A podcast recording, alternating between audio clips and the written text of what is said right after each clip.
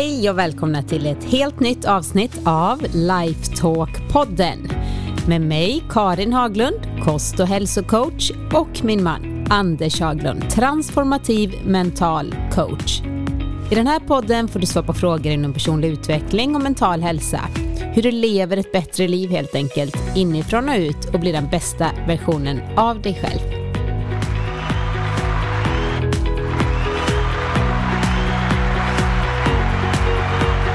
Hej kära Anders! Hej kära Karin! Hur mår du den här dagen? Du, jag mår bra. Vad härligt. Vi har ju faktiskt ätit lite frukost ihop. Mm. Låter det som, vad äter ni inte frukost? Men det är faktiskt ganska sällan. Helgerna gör vi det ibland Ja. ihop. Men på vardagar är det väldigt sällan. Det blir mest att fixa för att få tre barn i ordning så att de har ätit och borstat tänderna, fått på sig kläderna och är hela och rena och alla grejer med sig till skola och förskola och sånt. Eller hur? Och plus att jag kör ju mycket periodiskt fasta så jag äter ju aldrig frukost. In, alltså absolut tidigast nio, men oftast vid kanske tio. Vad är klockan nu? Nu är hon visst kvart över elva. Ja, Ja, så kan det vara. Men ja. det var mysigt. ja det tycker jag. Men vi läste lite tidningen och man blir ju... Nu ska jag säga att vi spelar in det här ett par veckor innan du lyssnar på oss. Men det gör ju att världen, alltså det kan ha ändrats lite. Det Men kan ha ändrats nu ganska mycket med tanke på vad som kriget pågått i lite pågår. mer än en vecka. Det är så hemskt. Ja, jag tror att många känner sig påverkade på många olika plan eftersom vi vet inte hur mycket det kan sprida sig och vad som händer. Vi kanske har svaren på det när podden ges ut. Roligast är väl som sagt var att Putin inte ger sig utan installerar en egen regering i Ukraina och sen är det frågan då hur västvärlden och andra reagerar på det som till slut kommer att hända.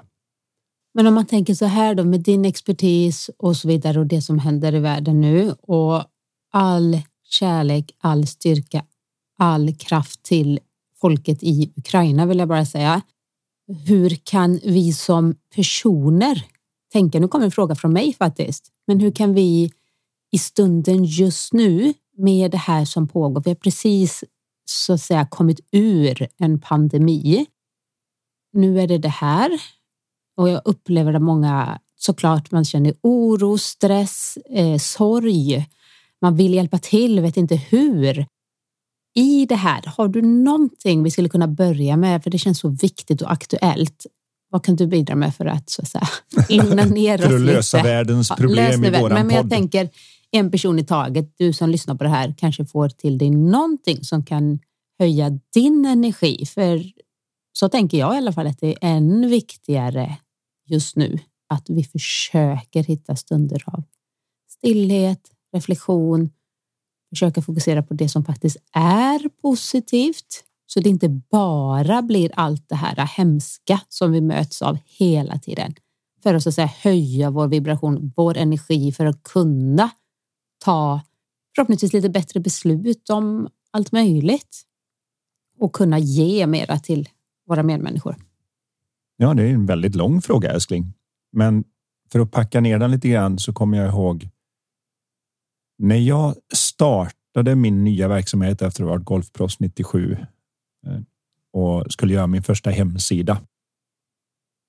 Och jag funderade mycket på vad ska man ha för catchphrase? Man ska ju ha någonting under som är idén och så vidare. Men det första som kom till mig var ju det att förändra världen en person i taget naturligtvis för mig som startade ett litet fåmansföretag så är det för stort att säga nu ska jag förändra hela världen. Men det jag såg som en möjlig vision var ju att förändra världen i en person i taget. Så det var där jag startade.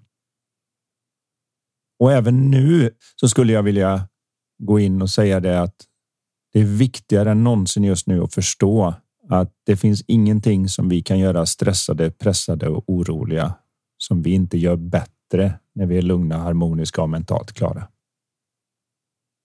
Och det kan kännas som att genom att vara pressad, stressad och orolig så ett så visar man ju hur mycket man bryr sig, att man är upprörd över hur saker och ting är. Hur ska folk ens förstå om man inte på något vis skriker ut sin frustration och kämpar tillbaka och är man inte direkt involverad i olika konflikter och annat så är det kanske det enda man har är att på något vis gå hemma och nästan banka i väggarna eller skrika ut sin frustration. Men jag vill ändå att man kommer ihåg, som jag sa och upprepar det gärna, är det att det finns ingenting man kan göra stressad, pressad och orolig som man inte gör bättre när man är lugn, harmonisk och mentalt klar. Så att man tittar i den riktningen åtminstone. Och därifrån tror en del att ja, men om jag är sån, då kommer jag inte bry mig lika mycket och då kommer jag inte göra lika mycket. Men det är snarare så att jag får mycket bättre idéer på vad jag faktiskt ska göra. Och det bästa vi kan ge till världen just nu är att börja då en person i taget att bli lite mer lugna, harmoniska och mentalt klara. För att i vår upprördhet så sprider sig det. Och när vi är upprörda och frustrerade, stressade, oroliga, rädda så tar vi människor de sämsta besluten vill jag nog påstå. Det är väldigt sällan när vi är i de sinnestillstånden som vi ser tillbaka på det och säger wow, vad jag är glad att jag gjorde vad jag gjorde. Det är väldigt, väldigt sällan. Och det är samma sak på en världsnivå. Bara för att det finns en Putin och en Joe Biden eller vi har Boris i England och så vidare. Så är det ju inte som att de är annorlunda bara för att de råkar vara presidenter. De är människor. Världskrigen startade på löjliga premisser. En prins blir skjuten, alla blir upprörda och sen så tar man beslut som får miljoner människor att dö. På samma sätt kan man göra det här, så det är på varje nivå. Det är allt ifrån när man är riktigt upprörd och irriterad och kanske lite rädd för det vad ska ta vägen när man pratar med sina barn och så blir man liksom för hård och arg och jag tror att alla kan känna igen det när det rinner över och nu räcker det för jag orkar inte mer. Liksom. Det är ju samma sak när som jag tycker då stackars Putin. och då menar jag inte att jag tycker synd om honom på minsta sätt, utan jag menar bara att han sitter där allt mer isolerad som diktator, vågar inte lita på någon och stänger in sig i ett rum och bestämmer allting själv. Och när han blir orolig och tar sina beslut, ja, då påverkar det lite mer än den omedelbara familjen. Men det är samma principer oavsett vad vi pratar om. Vi är människor allihopa. 7,8 miljarder eller om vi till och med har nått 8 miljarder nu. Jag vet inte riktigt. Jag har inte sett den senaste räkningen. Men vi funkar likadant allihop. Det är så lätt att vi tror att det här är ett Anders problem eller det här är ett Karin problem eller det här är ett Vladimir problem. Det är ett mänskligt problem och ingen av oss funkar riktigt bra när vi känner oss osäkra, otrygga, rädda, arga, frustrerade. Alla de här sinnestillstånden som vi alla kan känna igen. Och det viktigaste av allt är att veta om det, att här funkar inte jag bra. Nu behöver jag ta allt jag tänker och alla mina idéer som jag får här som kan verka briljanta i stunden och det enda jag kan göra med tanke på hur det är. Att jag bör ta det med en riktigt stor nypa salt. Och det jag tänker och känner när jag är lite lugnare. Är det då man som när vi diskuterade här på morgonen och lugnt och stilla frågade oss själva. Men vänta, har vi någon sån här radio med vev på? Med solceller och batteri så att om det faktiskt skulle sprida sig. Det är, Har vi det som det är faktiskt eh, någonting vi diskuterar för många, eller det var säkert två, tre år sedan i alla fall när vi hade en kompis, när vi var hemma och hälsade ja. på dem och de hade gått, kittat upp sig ifall det skulle hända någonting. Ja, de, de körde hade verkligen, värsta grejen. Ja, och det var liksom det här, det här. Efter det blev vi lite inspirerade. Då köpte vi något, men vi, Alltså väldigt som nu på morgonen, så ganska ändå behärskat, bara lite lugnt. Vi kanske ändå ska se över. Och så, ja, kanske lite ved skulle vi behöva oavsett. För ja, att vi har lägg en... på lite mera ved, för jag menar, det är ganska lätt att bli, så att säga, man tänker ju på krigföring som krigföring med bomber och annat, men den stora krigföringen är ju ofta att man hackar i datasystem och annat så att man vill man verkligen förstöra så går man in och hackar det ekonomiska systemet och eh, power griden som det heter, alltså elektricitet och det vi behöver för energi. Vi förstår inte hur sårbara vi är om plötsligt all el försvinner. Speciellt nu under vintertid. Det blir väldigt kallt hos många. Många fryser. Det är mycket du inte kan göra plötsligt. Så det är klart att man får ha en liten förberedelse för vad som skulle hända och det är ju inte bara för om det, det här skulle eskalera, utan det är bara att det kan vara ett vanligt någonting går fel i datasystemet. Någon mm. hackande grupp säger till, istället för att man hackar som man gör med ett företag och säger ni får inte tillbaka era filer om inte ni sätter in 10 miljoner dollar på det här kontot. Och lyckas med sådana saker så kan man göra det med ett helt land och bara säga ni får inte tillbaka eran ström om, om inte ni sätter in lite mer pengar på ett konto. Det här kan ju hända utan att det behöver vara krigförande eller något. Känns ju nästan det som skulle vara, jag är lite förvånad att det är det den sortens krig i Europa som det är nu tror nästan det skulle vara någon sån här cyberattack eller liksom något sånt. Men oavsett, ta beslut från ett lite mer grundat eller så här skulle jag säga, för det är lätt för den som lyssnar då att höra det du säger och tänka okej, okay, nu ska jag gå in i ett grundat ställe så jag kan ta ett bra beslut. Det är ingenting man riktigt styr över, även om lite medvetenhet om att det är viktigt att vara där oftast gör det lättare att vara där. Men det är inget man riktigt tar sig in i. Det vet alla som någon gång har försökt att somna, att ju mer jag försöker somna, ju vaknare är jag. Varenda elitidrottare jag har coachat, oavsett om de ska vara med på EM, VM eller professionella idrottare och ska tjäna världsrankingpoäng, så vet du med det att ju viktigare jag får för mig att det är, ju mer jag vill vara i zonen, ju mindre jag är i zonen. Så det är mer att lära sig känna igen när jag är på det stället. Inte nu ska jag skapa det, utan mera. Okej, okay, nu är jag inte där. Ja, men då, då ska jag ta det jag håller på med med en nypa salt. Nu är jag där. Nu kan jag lita på det.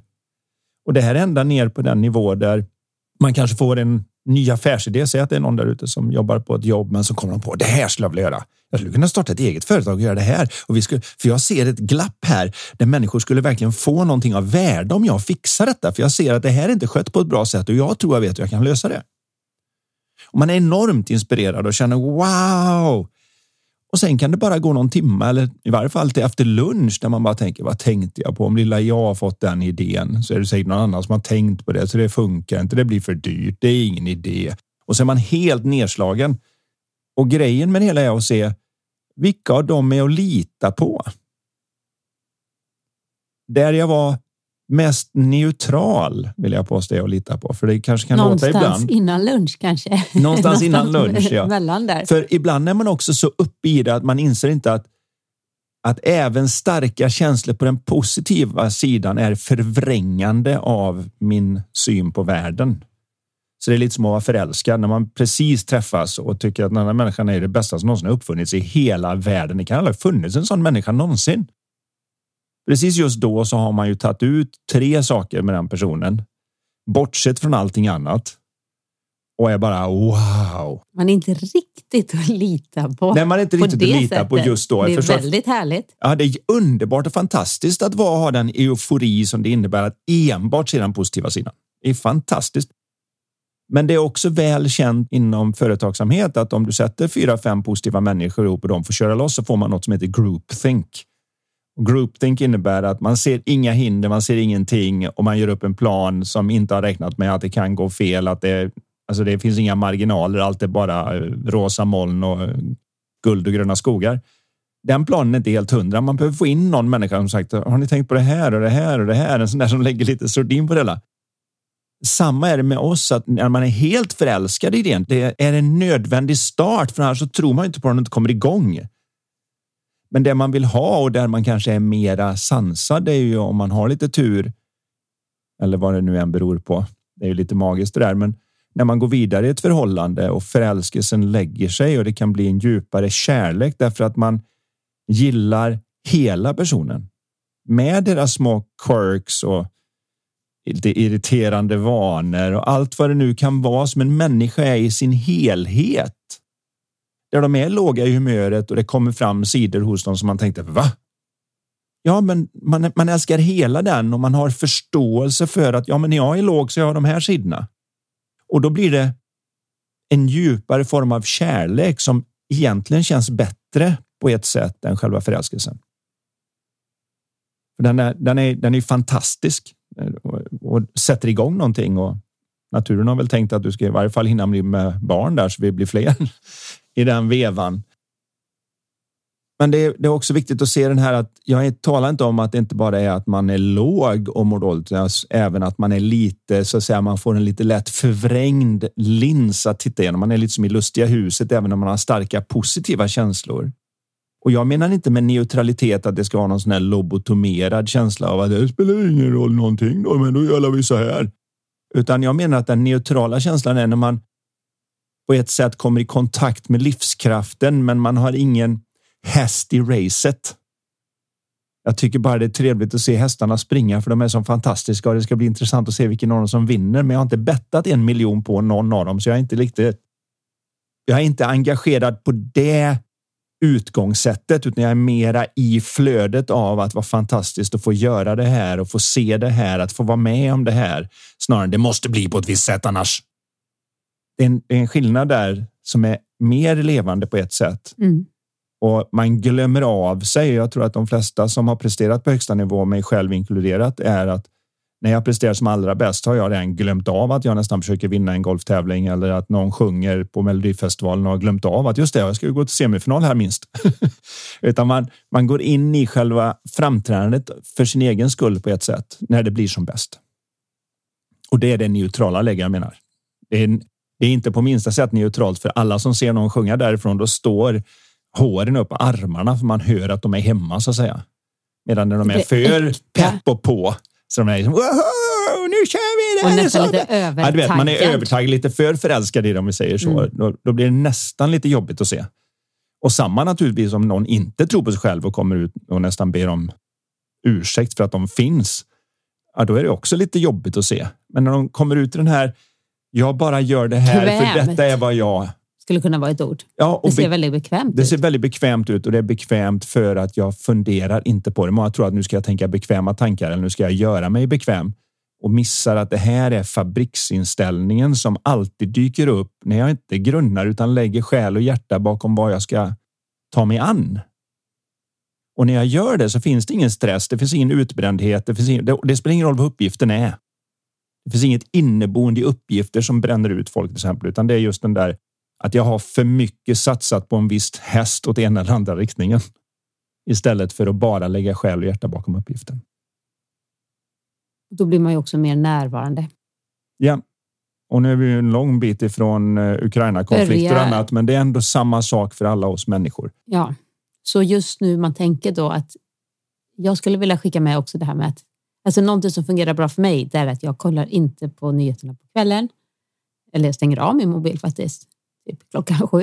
Jättetråkig, men det är så skönt. Jag ser det nästan som en liten eh, mobildetox. På samma mm. sätt som jag kör periodiskt fasta och inte äter hela dygnet. Så jag vill inte ha min mobil påslagen med notiser, aviseringar, pling plong och så vidare. Även om man kan stänga av det så vill jag ha den helt avslagen.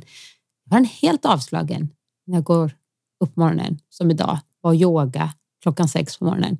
Mm. Kommer tillbaka precis där vid åtta, och eh, jag har fortfarande inte satt på mig telefonen. Jag har ingen aning vad som hänt under natten, vi säger med kriget eller något annat i världen. Men då är jag så att säga lite mer neutral. Och kan slå på den och kanske också ta till mig det jag behöver ta till mig. För det blir så lätt, det är ju tillgängligt 24-7. Alla ja. hemskheter och alla nyheter och, och allt. Både positiva och negativa saker. Det är lätt att bli lätt besatt och uppdatera sig oftare än vad som är nödvändigt. Allting vi begär egentligen av allting här i världen. Det är ju att vi gör mätbara framsteg på en rimlig tidsperiod. Vi förväntar oss att våran son som går i femman ska klara av det som behövs för att gå i femman så han får gå i sexan. Hur ofta behöver man mäta om man är på där? Ja, någon gång i, en gång i veckan kanske så tar man och frågar hur går det i skolan? Har du någon läxa? Hur gick det med den där? Om vi skulle smsa honom var tionde minut, säga hur går det? Hur går det? Hur går det? Det är för ofta. Det skulle bli skitjobbigt. Man skulle bara stänga av. Det, det är för ofta att och jag mäta. tänker det är väl därför som lärarna, vad gör de eh, när de gör? Nu har inte han börjat få betyg än, men det är väl i sexan. Jag tror de gör någon avstämning kanske en gång per termin eller två gånger per termin. Mm. Bara för att se lite sådär, ja men eh, det ligger bra till. Så man har en chans att förbättra sig. Men det är som du säger, de behöver ju inte gå in och kolla hela tiden. Det blir Nej. ju... Det, blir ja, det, liksom, det, är för ofta. Det är för ofta. Och, och det är när du, är när du har en liten ny bebis, då kollar man lite oftare. Men då kollar man, andas du, äter du och väger har du och mäter. Har du, ja, Hur ser all, bajset ut? Ja, men allt det där då mäter man oftare, för där behövs det lite snabbare korrigering om det skulle vara någonting. Vad jag upplever är att väldigt många när sånt här pågår i världen mäter för ofta. Det kan bli så att de nästan går in var femte tionde minut varje kvart och kollar vad som händer i Ukraina eller vad som händer med den finansiella krisen när det är sånt som pågår eller vad som händer med om man ska ha mask eller inte ha mask och allt det där. Och det är in och kolla in och kolla in och kolla. Och det blir precis som om vi spammar våran son med frågor om hur det går för honom. Det blir stressande liksom. Sluta! Mm. För det, det är för ofta. Det räcker att slå på telefonen Ta en snabbkoll på rubrikerna på morgonen och eventuellt ta en på kvällen innan man stänger av så att man har lite koll när det är den här typen av händelser i världen. Så det inte är någonting som man borde ha vetat som försvinner. Men mer än det behöver du liksom inte. Resten är ju bara att man. Man så att säga kör igång sin mentala kvarn och man kommer ut som köttfärs på andra sidan. Ja, det var faktiskt en rätt bra liknelse. Och vi ville ju ha dem lite, lite mera. Vi ville nej, nej, kan man gå tillbaka från köttfärs till att bli kött igen? ja, det är ju det sköna med mentala och imaginära saker. Det kan man ju, de och finns det ju kan inte ju på ske. riktigt, så att därför är de ju inte isär på riktigt och inte ihop på riktigt, utan det är ju någonting som jag faktiskt bara genom att ta mitt allvar från de tankar jag har om det så är det så att säga över och köttfärsen är tillbaka igen i sin ursprungliga form. Så att eh, ja, jag vet inte älskling om jag svarade på din fråga var, här nu. Jo, jag tyckte det var jättebra och eh, både för mig, men framför allt också för alla som sitter och lyssnar just nu. Nu tar vi en så att säga riktig fråga då från någon av våra lyssnare. Och den lyder så här. Hej, jag har lyssnat på flera av era poddar och tycker de är jättebra. Har också köpt kursen mental hälsa. Och det kan jag bara tillägga, det är en onlinekurs som med Anders som ligger på min kursportal. Eh, det hittar man på karinhaglund.se. Mm. Mitt specifika problem är egentligen nervositet. Jag tävlar i en individuell sport och blir ofta med jämna mellanrum hysteriskt nervös, alltså så jag skakar och behöver ofta omedelbar toalett. Jag är erfaren i min sport och även duktig, men min stressmage ställer till det för mig. Jag tycker det kan komma både från huvudet och från magen och blir då en typ av ond cirkel. Kan ni ge tips på hur jag kan arbeta med detta? Jag inser att jag meddelar mig själv att till exempel låta bli att äta innan tävling och så vidare, men det hjälper ju inte att jag vet det. Puh, lång fråga. Med vänlig hälsning Anna. Hej Anna. Jag börjar med att säga. Det här är ju återigen så mycket vanligare än vad man kan tro. Och ofta känner personer som sitter i det här att det är bara jag och alla andra har det så together. Men jag har de här problemen. Om vi ska adressera det här med magen i sig då så har vi genom årmiljonerna utvecklats för att när något blir väldigt viktigt enligt våra tankar. Så det här är en viktig situation. Det är en nära döden situation eller det måste fixas situation. Så kramar binjurarna ut kortisol och noradrenalin. Och de två hormonerna är signalsubstanser som talar om för alla 100 biljoner celler i kroppen att nu är det viktigt. Nu måste vi få ordning på det här. Och det första som händer är att det blir en signal om att shunta allt blod ut i extremiteterna, med andra ord armar och ben, så jag kan antingen slåss riktigt bra eller springa riktigt fort så jag kan komma ifrån faran eller banka mig ur faran så att säga. När det händer så dras allt blod från tarmarna. Och när det inte finns blod i tarmarna så kan vi inte längre göra matsmältning. Eftersom vi inte kan göra matsmältning så bestämmer sig kroppen för att då är det bättre att trycka ut vad som än är där.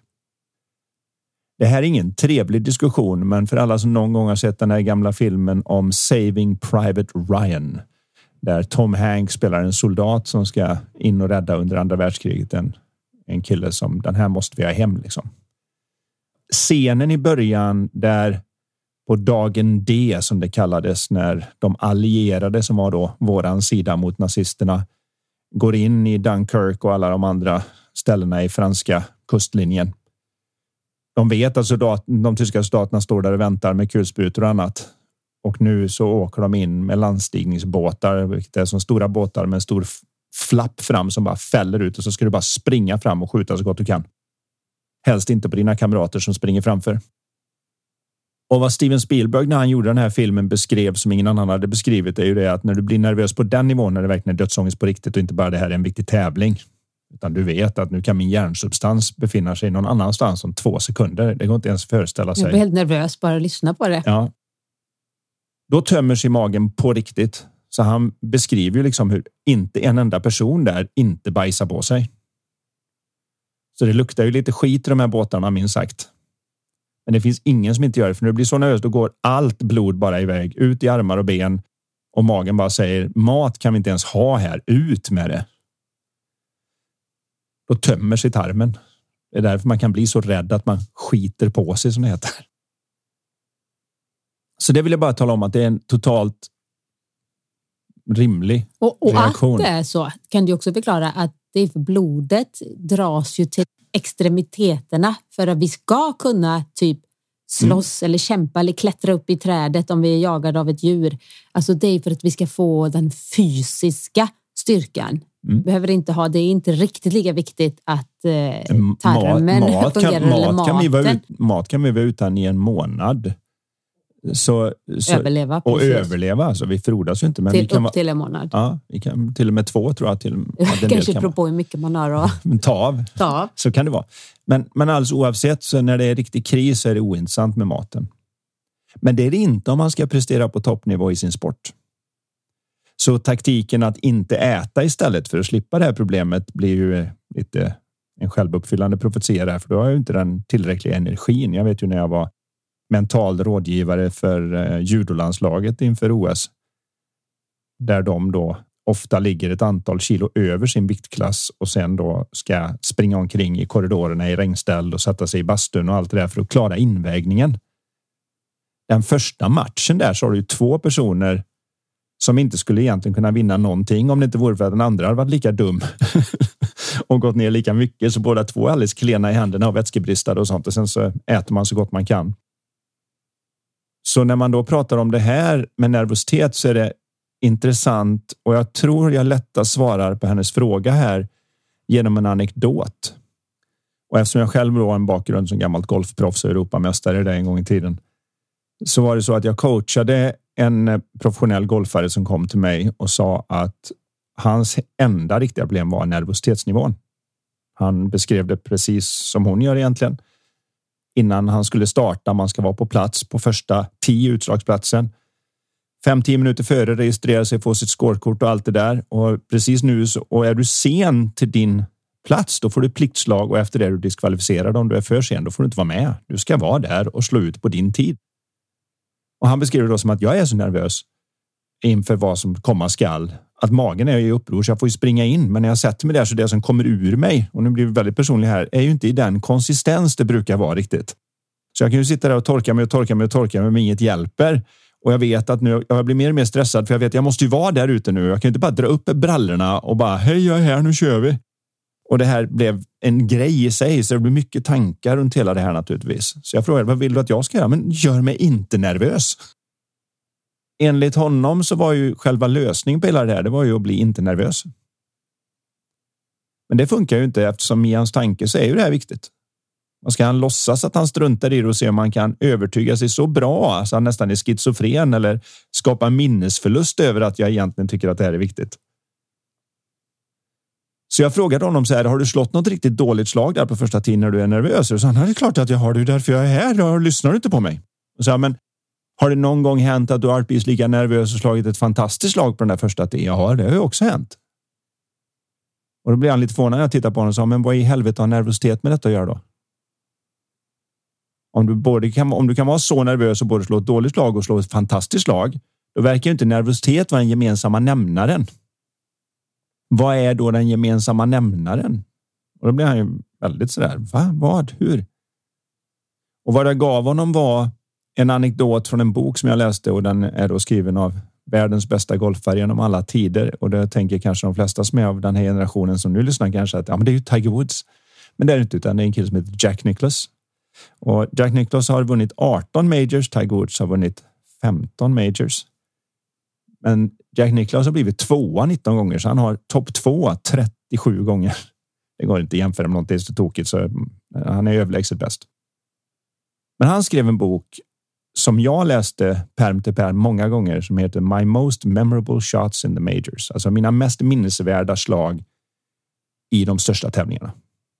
Och då beskriver han när han är på väg att bli legendarisk. För den som hade vunnit flest innan honom hade vunnit 13 majors. Så när han ska vinna sin 14, då ska han ju ta över platsen i alla historieböcker. Det är nu han som är the man liksom. Och han kommer till 18 hålet, det sista hålet och leder med ett. Så allt han behöver göra nu är standardgrejen med att göra ett par. Och för de som inte spelar golf så är det bara idealresultatet som man kallar det på på det hålet. Och är man proffs så är det väl något man borde kunna klara av. Men på sådana här stora tävlingar så har de gjort det ganska klurigt. Så om man missar utslaget så hamnar man i så pass högt gräs att det där paret kan flyga iväg. Och det vill han ju inte. Han ser hur lugn ut som helst. Jag tittar på videon från den här tävlingen. Han ser hur lugn ut som helst, men han säger till sin caddy. Jag är så nervös så jag får inte upp bollen på peggen. Kan du pegga åt mig? Jag tror hans caddy på den tiden för de som är nördar så heter han Angelo Argea. Så han säger okej, okay. så han går upp och så peggar han bollen åt. Han vet ju vilken höjd han vill ha på peggen och så där. Och sen när han kommer tillbaka efter att ha peggat den, då säger, säger Jack liksom när jag är så här nervös, då vill jag bara att det går över. Så jag har en, jag, jag brukar bli väldigt kort och snabb när jag, när jag slår. Jag tror att kanske någon kan relatera till den känslan när man är riktigt nervös. Man vill bara liksom bara få det gå över. Få över det så, så, så har vi det. är det i alla fall gjort. Ja, det är i alla fall gjort. Liksom. Samma känsla för världens bästa. Vi alla människor. Och då säger hans caddy ganska lugnt så här. Men gör det extra långsamt och extra långt då. Och det tycker Jack är det bästa råd han någonsin har hört. Så han går vad han tycker är extra långsamt bak och tar ut vad han ska slå slaget. Han går extra långsamt fram. Han tycker att han gör allting han rör vid extra långt och så tänker han i sitt huvud, vilket har sedan blivit hans absoluta tanke på varenda slag, vilket är complete the backswing. Med andra ord, svinga hela vägen bak nu så det inte blir så här bara kort och över, eh, utan verkligen ta ut svingen så mycket du kan bakåt så blir det kanske som vanligt ungefär. Den bollen går längre än vad någon har sett fram till dess i historien. Det är så långt fram så att den är förbi där de trodde att det var safe och se till att publiken ska gå fram och tillbaka för dit slår ju ingen bollen. Den rullar förbi det också. När han står där framme så står caddien och räknar ut exakt hur många meter eller i hans fall yards som det är då för att komma över bunkrar och fram till hålet och de har nu bestämt att jag vill slå lite kort om det här för att vara safe. Och caddien räknar ut att det här är för dig en järnåtta vilket normalt sett för alla andra som är långt där bak eh, mycket mera klubba in. Och då säger han, såg du min drive? Eller om jag slår en järnåtta, där, den kommer flyga över klubbhuset. Den kommer inte bara gå förbi hela green, den kommer flyga av planeten. Så känns det för honom, för han har så mycket adrenalin av nervositeten. Så han går ner två klubbor till en pitching wedge som det heter, men det är bara en klubba som går ungefär 20 meter kortare egentligen. Så Cadden blir lite orolig för att bunkern inte heller bra. Du vet. Han säger nej, nej, men jag behöver bara vara 10 meter kort så löser det sig. Men det här går så långt så att han slår upp den precis jämte flaggan istället. Paff, så han behöver bara slå i den och vinner med två slag. Nu undrar säkert Anna om hon lyssnar på det här. Vad 17 har den historien med mig att göra? Men det intressanta med hela historien är att ingen gång sa Jack Nicklaus gör mig inte nervös utan nervositeten var bara någonting som man räknade in i sina tendenser. När jag är nervös brukar jag bli lite kort. Ja, men upplev det som du gör lite längre då så blir det nog som vanligt. När jag är nervös så vill jag bara att det går över så att jag vill göra allting fort. Ja, men gör det lite långsammare då. Ingenstans står det stäng av min nervositet för annars kan jag inte. Gör någonting med min mage annars går det inte. Utan det var bara någonting man var mera okej okay med? Nej, inte så mycket bara okej okay med, utan mera något jag lägger in i beräkningen. Världens bästa står där och bara inser att jag kan inte göra något med den biten. Det här är det viktigaste jag någonsin har gjort. Självklart kommer hela mitt system vara i uppror över möjligheten att bli historisk och vara den enda och någonsin och allt det där. Jag bryr mig. Det ingår i att vara människa. Det är en av de fabriksinställningar vi människor har. Vi bryr oss. Vi bryr oss om allt. Vi bryr oss om hästar i diken och dyker ner där trots att vi kan få en hov i huvudet så försöker vi hjälpa dem upp. Jag trillat ner någon hund i en brunn. Ja, vi dyker ner och bryr oss inte om att den kan bli bitna. Vi räddar den. Vi bryr oss. Katter i träd och hur det går för oss, hur det går för familjen, hur det är i stan. Vi bryr oss om det mesta. Det är hur vi människor är. Det går inte. De, och de som bryr sig allra mest är de som säger jag bryr mig inte eller jag skiter i det de bryr sig så mycket så att det gör ont. Så de tänker jag får gå åt andra hållet så jag skiter i det då. Men det Nej, hur är det med det? Nej, jag bryr mig inte. Nej. Den här typiska, okej, okay, du verkar oj. Eh, på insidan så pågår det lite. Kom, kommer han den här killen på partyt eller? Jag vet inte. Ah, Okej, okay, jag bryr mig ändå inte. du vet, det, det är när vi bryr oss som mest som vi hamnar där. Så det här visar att det här är en sport som hon brinner för, vill lägga själ och hjärta bakom. Och det här är någonting som man får fakturera in i. Och jag tänker, när han stod här och skulle slå ut sitt slag, om, han, om det inte hade varit tävling, att det var exakt samma slag, om han inte hade någon nervositet i kroppen, hade tagit samma klubba, vilket han kanske inte hade gjort, då, men om han hade gjort det, så hade han ju inte haft, alltså hur bra ett lag han än hade gjort, så hade han ju inte kunnat komma så långt fram. Han slog ett sånt mega långt slag på grund av, eller tack vare, ja. att han hade de här hormonerna i systemet som han samspelade med sin nervositet så att det gick bättre för honom tack vare den. Mm. Han la med den i beräkningen och tack vare det så kunde han slå två helt fantastiska slag. Men kom ihåg att han var tvungen att beräkna det på andra slaget när det spelade roll i längd så det inte blev för långt. Så han får inse det liksom att nu kommer det gå extra långt. Jag kommer ihåg Glenn Hussein som nu alla generationer nu bara tänker det är han den lite rundlätta mannen som eh, gör reklam för olika spelsajter eller något. Men han var Sveriges bästa fotbollsspelare, otroligt vältränad. Han gjorde brytningar som innan. Jag kommer ihåg när jag tittade på det här, tyckte bara att han var det grymmaste som fanns. Han bara klev rakt in och gjorde brytningar som ingen annan någonsin hade gjort. Man bara tänkte det måste vara straff, det måste vara frispark och så när man såg slow motion så var han alltid på bollen. Men han nämnde ju just det där att när han tackade nej till landslaget eller om det var att tacka nej till spel i Liverpool eller han spelade och så där. Det var ju det att jag, jag känner att jag är inte nervös nu när jag går ute på plan. Och plötsligt börjar brytningarna ta på benet istället för på bollen. För det var den lilla biten efter precis det där slaget som blir lite längre. Att utan den lilla edgen som det gav att verkligen känna att det här är det viktigaste jag gör i hela mitt liv så blev det inte riktigt lika bra som innan. Och många elitidrottare kan känna igen det att när jag inte har den så är det dags att kliva av. De ser det mera som sin bästa kompis skulle jag vilja säga. Att det här är det bästa som händer mig, att jag får den här gåvan av att årmiljoner av evolution som är gjorda för att rädda mig från lejon och tigrar och björnar kliver in och gör det så att jag kan göra det här. Styrkelyftare till exempel är väl medvetna om man har dokumenterat det vetenskapligt. De lyfter i genomsnitt 12 procent tyngre på tävling än vad de någonsin kan göra på träning. Många andra kan ju göra vad de gör på tävling som på träning. De är nästan så att de hoppas att de ska klara lika bra som de har gjort någon gång på träning. Men styrkelyft när det handlar om det här omänskliga, att nu ska det bara ett halvt ton upp i luften eller så. Då visar det sig att de kan lyfta 12 procent mer. Och de som inte känner det, de är ofta tränare som tar sån här luktsalt under näsan på dem och står och ger dem örfilar fram och tillbaka i ansiktet därför att rent fysisk smärta lockar ju fram det här naturligtvis. Så det blir nästan som när man ska få Hulken arg för att Vill han ska äntligen här... bli grön igen. Men det visar att det är lite av en superkraft, men det är inte nervositeten som är problemet. Det är den mentala klarheten. Alltså med andra ord, vad är den röda tråden som gör att jag ibland är supernervös och gör bort mig och ibland är supernervös och gör något fantastiskt? Det kan ju inte vara nervositet, för den är med båda gångerna. Det som är skillnaden är den mentala klarheten, alltså med andra ord att jag gör inget extra av det. Jag lägger inte på moms. Jag oroar mig inte och tycker att jag är konstig för det här händer. Nu kommer det inte gå och tänk för att jag gör det. Och, och när, jag in, när jag bara gör mitt jobb som han gjorde med andra ord. Okej, okay, lite längre och långsammare och dit. Men jag lägger inte till någonting här nu, utan jag bara gör. Ja, då blir det fantastiskt. Men om det blir åh, inte vänster, inte höger, för det är dit som hjärnan kan gå när den går in i flyktmode istället. Ja, då kan det bli att jag ser extra bra allt som kan gå fel istället för det är vad jag vill ska hända.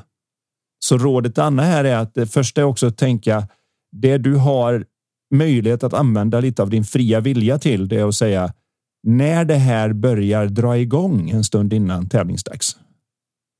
Så är det dags att börja fundera mer på vad jag vill ska hända än vad jag inte vill ska hända. För det finns bara några få sätt att göra det riktigt bra på, men det finns miljoner sätt att få det att gå fel på. Och när du väl går in i alla miljoner sätt som det kan bli fel på, då är du så ockuperad av allt det att det är bara någonstans. Eh, gör någonting istället för precis där. Och så att det blir mer den tanken. Okej, okay, vad vill jag ska hända? Och den andra är jag kan åtminstone ta bort momsen från nervositeten för överväldigande moms. Då har jag för mycket kortisol och adrenalin i systemet och det kan bli blockerande klart. Det är ju en liten sweet spot där. Det här med stressmagen. Eh, som hon skriver att det nästan blev som en typ ond cirkel. Mm. Det kanske är också att man har upplevt det och tyckt att det varit jobbigt och så är man, blir man rädd när det här sätter igång för att magen ska mm. reagera på samma sätt och då är det större sannolikhet att just magen gör det och så blir det liksom. Och Men hur, blir det... hur gör man det just fysiskt med magen? För det kan jag förstå är ju ett, det blir ju ett, vilken mm. idrott man än har så ställer det ju lite till om man behöver springa på toaletten och som du ja. säger, bli av med kanske Eller om nästa... man till och med blir rädd för att äta för att man inte ska behöva göra det och så kommer jag inte ut med energi nog för att utföra om det nu är något som är energikrävande. Ja. Så, så att den första biten är precis det du nämner, för det som blir värst är när jag börjar ett bli rädd för att det ska hända, men sen börjar jag bli rädd för att bli rädd för det där. Och nu kan du ju loopa på sig själv två dagar innan. För nu är det ju bara rädslan för rädslan och då behöver jag inte ha någonting verkligt runt mig alls. Så det första steget är det som jag hoppas att jag med mina exempel har kunnat hjälpa till med, vilket är att normalisera förhållanden till det. Att man börjar se att det här är fullkomligt naturligt. Det här är inte ett annat problem. Det här är ett människoproblem. Vi är gjorda för det allihopa. Det är vad som händer. Och andra har ställt frågan på liknande sätt. Men det viktigaste är att jag får en förståelse för att jag kan vara bekväm med min obekvämhet. Och när jag kan vara det och inte lägga för mycket med det. Så, och jag börjar inse att kan det vara så att mitt tänkande om det här gör det lite värre än vad det faktiskt är? Då kan man sänka den där nivån och faktiskt då få en bättre prestation än vad man kanske annars skulle ha. I varje fall om då inte sporten är en absolut precisionssport, för jag har ju coachat skyttar och sånt. Och där är ju inte adrenalin och sånt din bästa vän, för när det går ut så skakar det lite mer. Så det blir väldigt svårt att hålla kornet rätt på långt avstånd. Så där, det är därför de pratar om betablockerare och att man faktiskt är lite bättre efter två öl. pratar om att det hjälper dig på något vis därför att det tar bort en del av det här. Så där pratar vi om vissa avslappningsövningar och förståelse för hur man gör med andning och hur man har sin relation till tanken men är det mer en prestationssport på ett annat sätt än precision eh, så är det fortfarande ens bästa vän och allt jag behöver är att få bort momsen på det. Den där lilla edgen som kanske är lite mycket och den lägger jag till mentalt själv och i den mån jag kan se att det är så. Så försvinner den lite nästan per automatik. Per automatik i min medvetenhet om att vad det är och hur naturligt det är. Och att om jag bara koncentrerar mig nu på vad jag vill ska hända så får jag faktiskt ett bättre fokus och en större möjlighet att det händer. Då, då kan jag använda det på ett bra sätt. och du har ju lyckats coacha väldigt många människor i väldigt många olika idrotter. Till och med idrotter än det som jag inte visste knappast fanns. Eh, och det är väldigt intressant att många har ju haft liknande så att säga, utmaningar mm. och blivit bekväma med sin Obekvämhet, ja. Med sin obekvämhet. Och, och, och det gör att när du, väl, ja, när du väl har kommit så långt, då blir du mindre rädd för det. När du blir mindre rädd för det, du slappnar av mer och så får du spiralen att gå åt andra hållet. Och då yes. blir det allt bättre för varje försök istället för allt värre för varje försök. Och den är svår att beskriva, men jag hoppas ändå att Anna kan ha fått något av det här svaret. Anna och alla ni andra där ute som eh, det kan ju vara exakt samma om man ska hålla ett eh, föredrag på sitt jobb. Bröllopstal. Bröllopstal och så vidare. Så det här berör oss alla. Och vill man ha eh, lite mer personlig coachning, för det är så du jobbar med idrottare. Du ger i och för sig ut även med lag och så. Alltså man kan eh, höra av sig till dig och komma och du har liksom coachat ett helt lag. Men mycket är det individuella samtal så att du kan hjälpa dem. Ja, för det är ju även i laget. För många tror man kan ta sig an laget som en del, en enhet, men det kan du inte, utan du behöver hjälpa individerna som laget består av. Och när deras förståelse går upp så funkar genast laget bättre. Min jämförelse eftersom pappa målade och det är ett av skälen för er som läser mitt coachbrev att jag skriver ditt liv är ett mästerverk är ju att jag fick lite förklaringar tidigt av pappa och så om hur färg funkar. Och om det skulle vara så att man till exempel då har en person som är blå i sitt sinnestillstånd och sitt sätt att vara. Och så har du en person som är gul i sitt sätt att vara. När du blandar de två i ett team så blir det grönt. Det kan vara då om vi ska använda det som grönt av avund och säga att det funkar inte så bra. Om du nu försöker tvätta ur det gröna för du vill ha dem på rosa moln på något vis istället. Så hur mycket du än tvättar det gröna så blir det bara smutsigare och smutsigare. Det blir jobbigt för nu går du på teamet. Du går på det gröna. Men om du kan prata med den person som är blå för de är lite osäkra och när de är osäkra då blir de blå. Och när du pratar med dem och de lugnar ner sig och blir mentalt klara, harmoniska och i balans, då skiftar de och blir röda. Så de, är, de blir en röd person när de är lugna, men de är en blå person när de är stressade och osäkra. Och så pratar du med andra personen som var gul nu, men de, när de blir lugna ner sig blir de vita. Och när röd och vit går ihop som ett team, ja, då har du ett rosa team. Så jag tittar mycket mer på om jag kan få båda individerna, om nu teamet är ofta större än två personer, men för att kunna prata om det på ett någorlunda enkelt sätt som en metafor. Så om jag kan hjälpa dem att båda två hamna i balans, då funkar de. Jag tror att de flesta kan se det här i sitt förhållande. När båda är på ett bra ställe, då flyter allting på oerhört enkelt och det mesta går att lösa och det är du och jag mot världen älskling och så där. Men när vi tappar det när vi hamnar på det där osäkra känslan. Vi säger att jag är inte så hemskt säker på om jag älskar det här eller om jag uppskattar det här eller om det funkar här och jag vet inte om det här är rätt längre och vad det nu än är som susar runt i våra sinnen och vi då hamnar i den andra färgen. Då kan minsta småsak vara rena skilsmässorsaken. En socka på golvet är liksom en skilsmässorsak.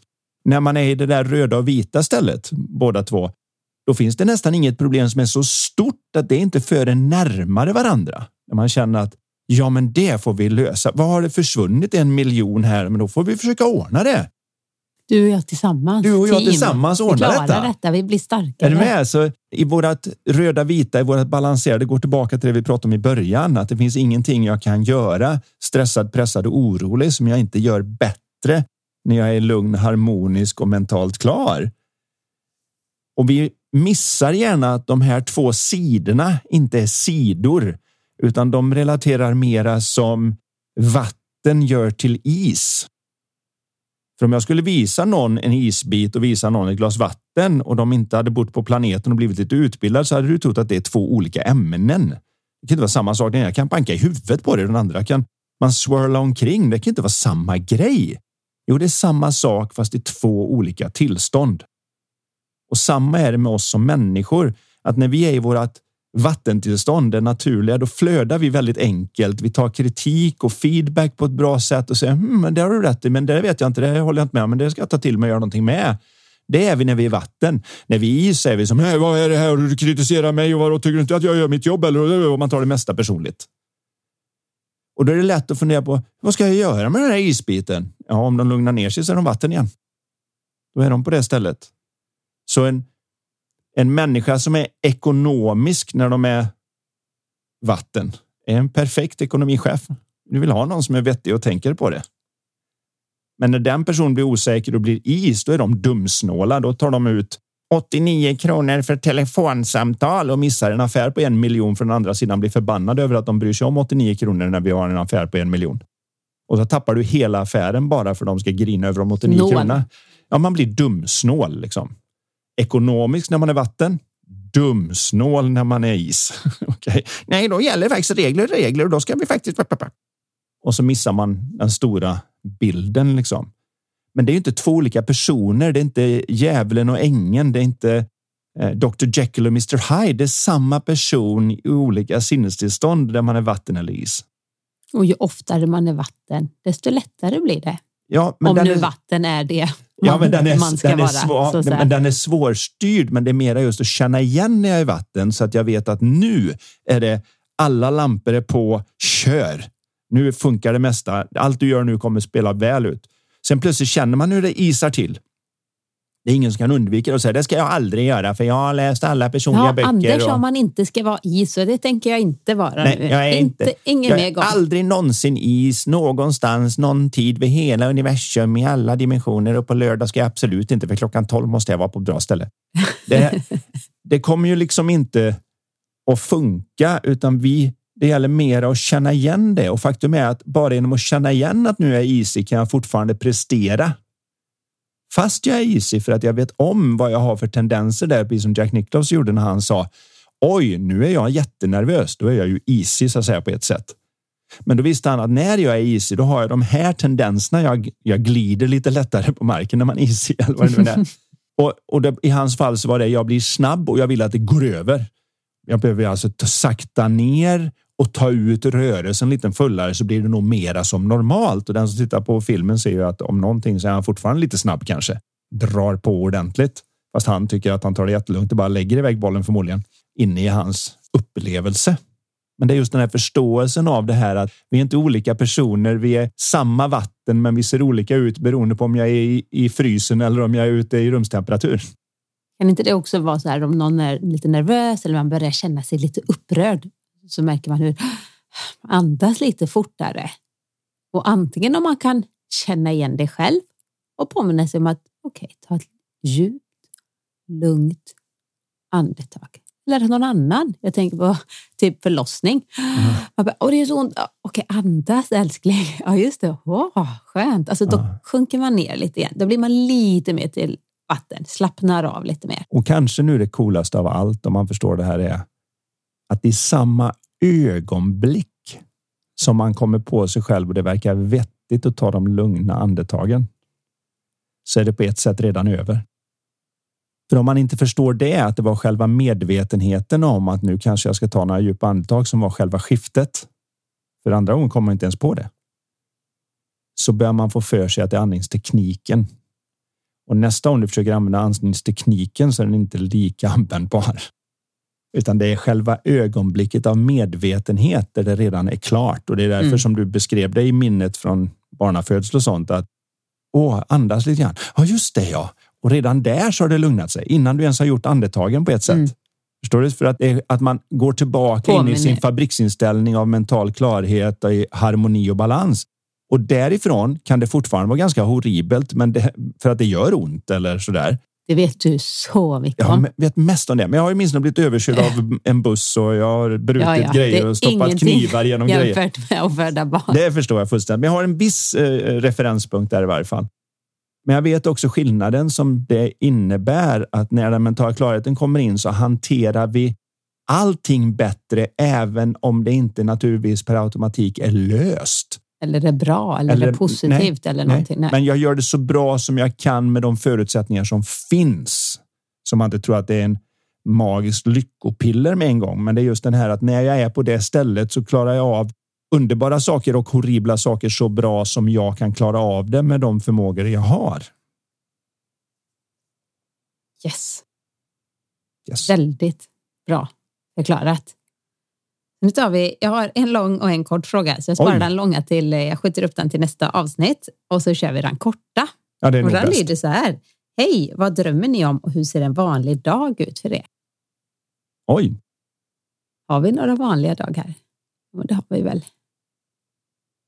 Ja, du har ju allt det där som ingår i livspusslet för alla som har barn och familj och sånt och som ser olika ut för Just alla människor. familj, precis. Vi har ju en liten bit att åka till skolan. Mm. Eh, funkade när man hade ett barn, om man inte hade någon tid att passa när det var förskola. Man kunde dyka upp klockan nio. Eh, då kunde jag sätta Vince i vagnen och promenera dit. Kanske ja. ta 35 minuter. Men, eh, nu har vi tre. Ja, och med så tre det... så finns det en liten dynamik där det oftast är någon som kärvar varje morgon. Jag ska ja, men det börjar bli bättre nu tycker jag. De, ja, börjar, jag. de har kommit ur, vi sa just det, vi har liksom kommit ur minsta fem så vi känns som vi är lite i en annan fas av ja, föräldraskap definitivt. eller barn. Så, men oavsett så är det ändå Vad så att vi, ganska många timmar går ju till förberedande av mat för de här tre. Och oss mat, själva. handla, städa, tvätta, det vanliga. Det vanliga är... som ingår runt omkring. Ja. I det övriga så för min del så handlar det väldigt mycket om att researcha, hitta intressanta saker, skriva, spela in, kontakta, speciellt nu i dessa tider försöka kontakta företag och andra och försöka få det att komma igång igen eftersom i mars 2020 så fick man allting avbokat. Alla konferenser, alla kickoffs, alla utbildningar.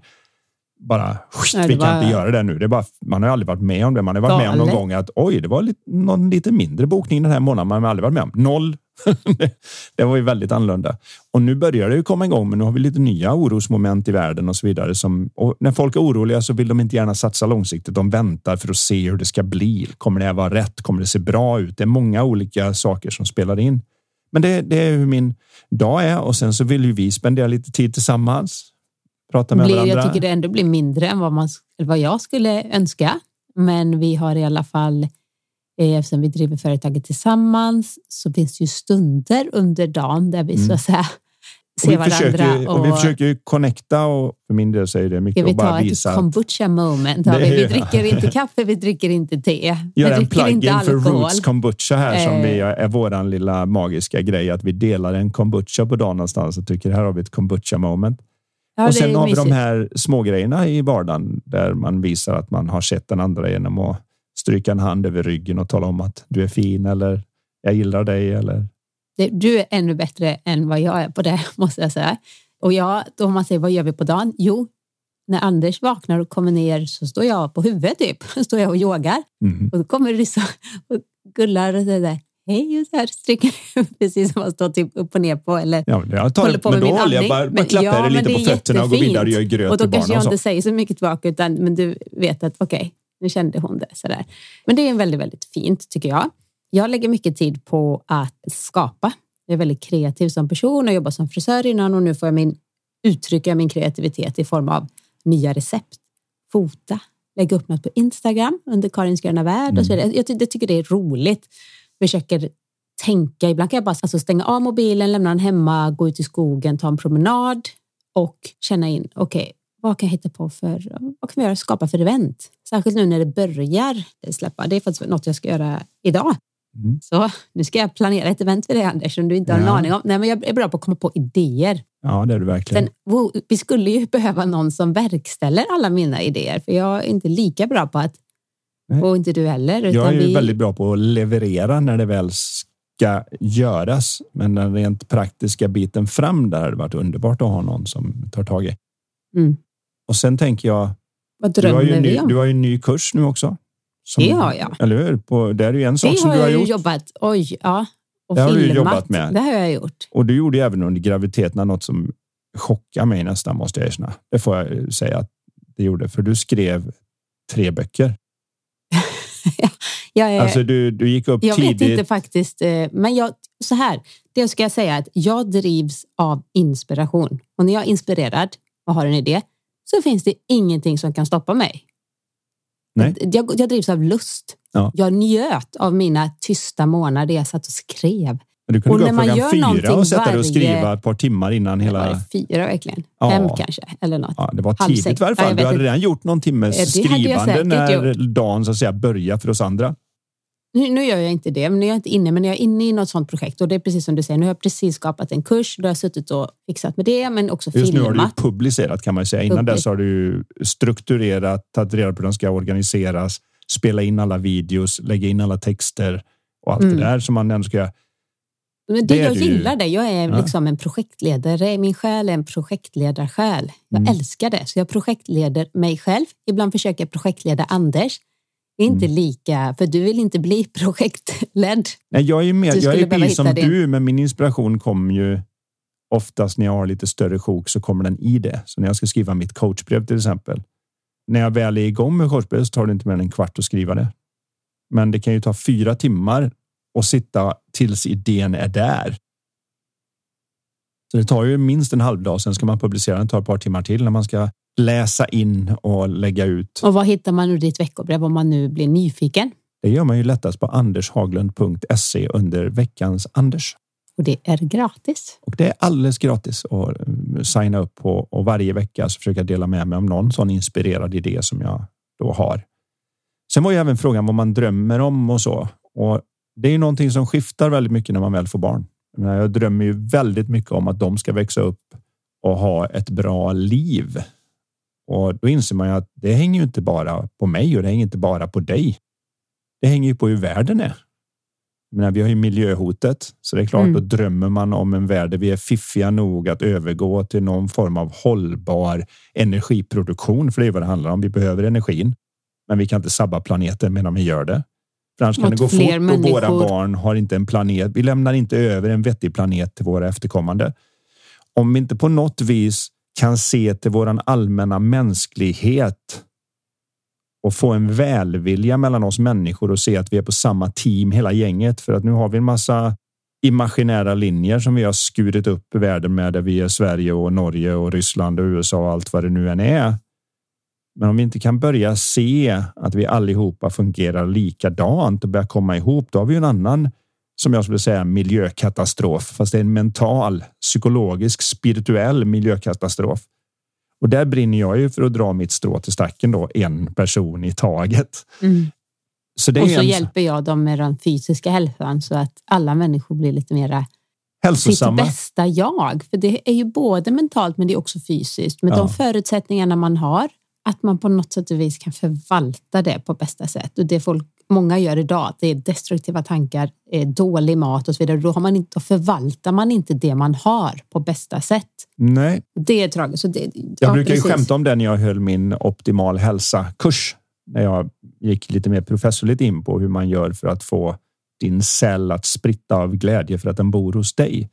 Så var en av de saker jag sa där var ju att din kropp är det enda ställe du har att bo på just nu.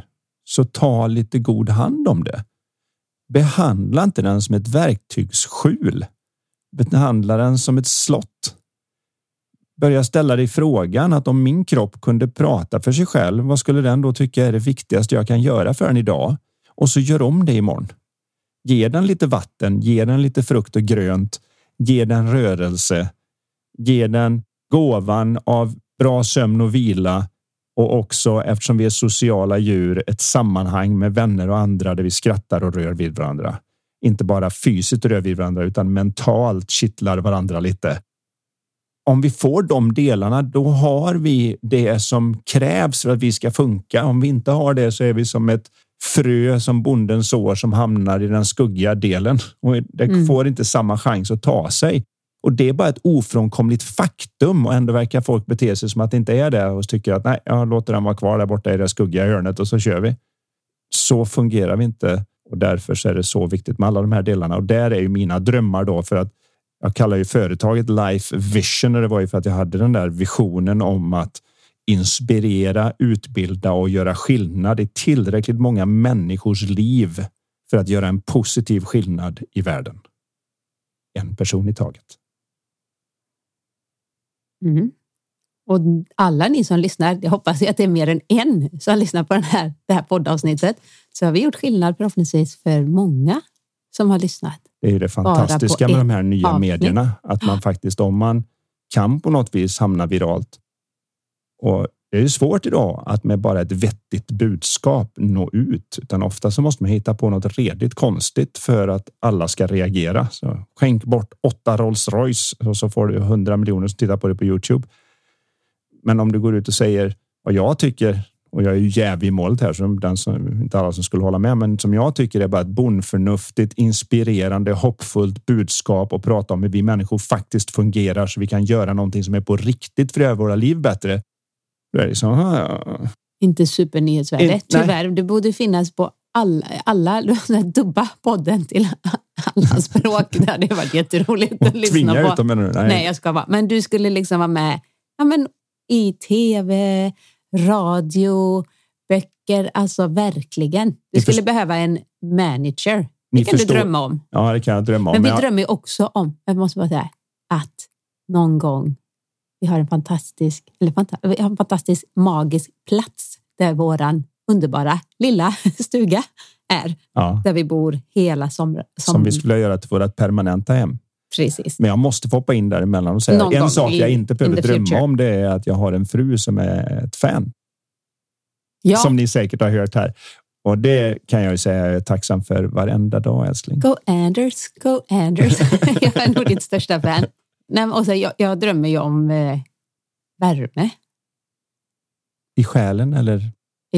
det börjar i själen. Ja, jag, jag skojar bara med. Jag vet jag, jag du, gillar verkligen. Eh, du anser att du har någon sorts utländska gener som gör att du egentligen passar bättre. Jag har utländska gener. Jag har ju till och med tagit gentest. Det är Sardinien, det är Portugal jag känner att eh, det kallar på mig. jag borde bo. Den, den jag procenten borde bo i från Heritage Medelhavet. heter gör att du borde bo där.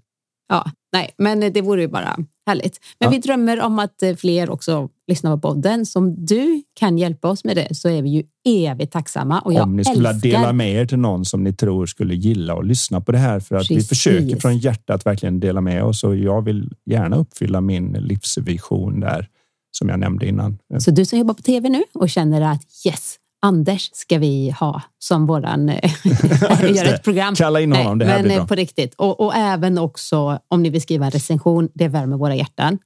Eh, Vi blir jätteglada. Och nu, våra kära lyssnare, så Har vi nått fram till den där vi punkten i programmet där det magiska guldkortet dyker upp. Och det är ett, från eh, Life Talk, våra coachande frågespel. I övrigt en faktiskt fantastiskt bra påskpresent till ett påskägg, eller hur? Eller att ta med sig när man går på påskmiddagen och inte vill ta med sig en flaska vin så kan man lämna över en Lifetalk-låda som sin grej när man kommer. Man vill ju gärna ha med sig en liten present när man... Och den skulle ju faktiskt rymma också bra i ett påskägg om man nu vill göra det roligt. Ja, nu har vi pluggat nog. Vad, vad är frågan? Det behöver man egentligen också tagga. Så att nu taggade vi att där gjorde vi lite reklam för vårt personlighetsutvecklande. Ja, spel. Ja. Lifetalk. Men nu ska jag läsa frågan och den lyder så här. Vilken var din största talang när du växte upp? Mm. Så, vilken var din största talang av alla många talanger du hade? Men vilken var den största talangen du hade när du växte upp? Fundera på det, Mm. så hörs vi igen om två veckor. Tack Anders! Tack Karin!